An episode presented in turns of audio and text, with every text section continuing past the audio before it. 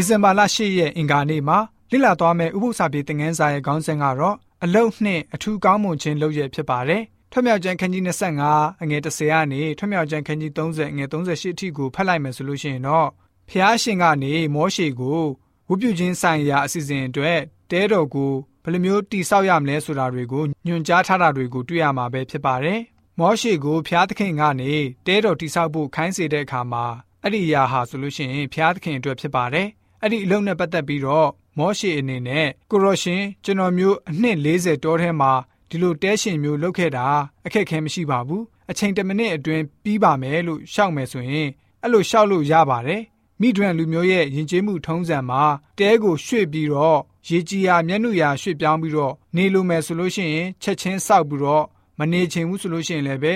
ချက်ချင်းဖြုတ်နိုင်တဲ့ဒလိရှိပြီးသားဖြစ်ပါတယ်။တိုင်ကလေးထောင်ပြီးတော့အစွန်းကို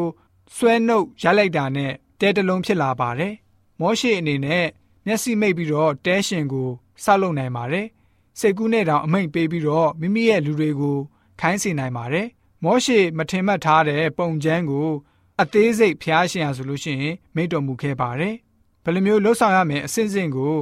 ညွှန်ကြားခဲ့ပါတယ်။အတုံးဆောင်ပစ္စည်းပါမကျန်အသေးစိတ်ညွှန်ကြားခဲ့ပါတယ်။ရေပြောဟိတ်မင်းရဲ့ဝိယုံကနေစပြီးတော့အချက်ပေါင်း 150နီးပါးကိုတဆင့်ချင်းစီညွှန်ကြားပေးပါတယ်။ရိုးရိုးစပွဲတစ်လုံးကိုပြုလုပ်ဖို့မောရှေအဆင့်9ဆင့်အထိပြုလုပ်ရပါတယ်။ဖျားရှင်ကဲဝတ်ဖို့တဲတော်ကိုတိဆောက်တဲ့အခါမှာ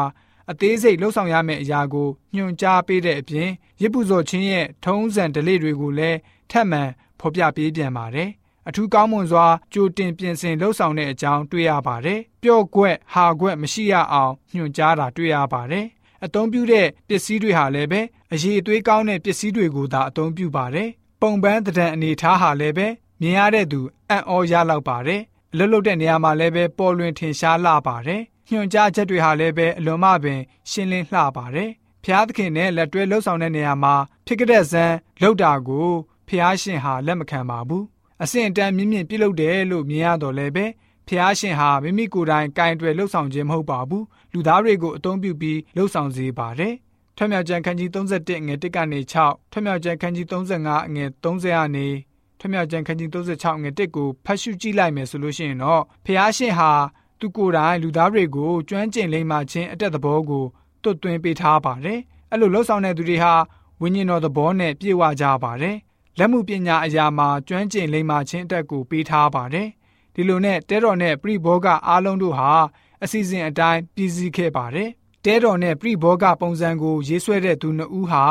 တင် जा ပြသမှုမှာလည်းအရေးချင်းပြေဝပါတယ်။ဒီအတွက်ကြောင့်သူတို့ရဲ့ပညာဉာဏ်နဲ့ကျွမ်းကျင်ချက်တွေဟာဣသေလအမျိုးတွေအတွက်ဆက်လက်ရှိနေမှာဖြစ်ပါတယ်။အဲ့ဒီပုဂ္ဂိုလ်နှစ်ဦးကိုဖျားသခင်ရွေးကောက်တော်မူပြီးတော့ခေါင်းဆောင်ခန့်ထားတော်လဲပဲကြံရှိတဲ့အခြားသူတွေဟာ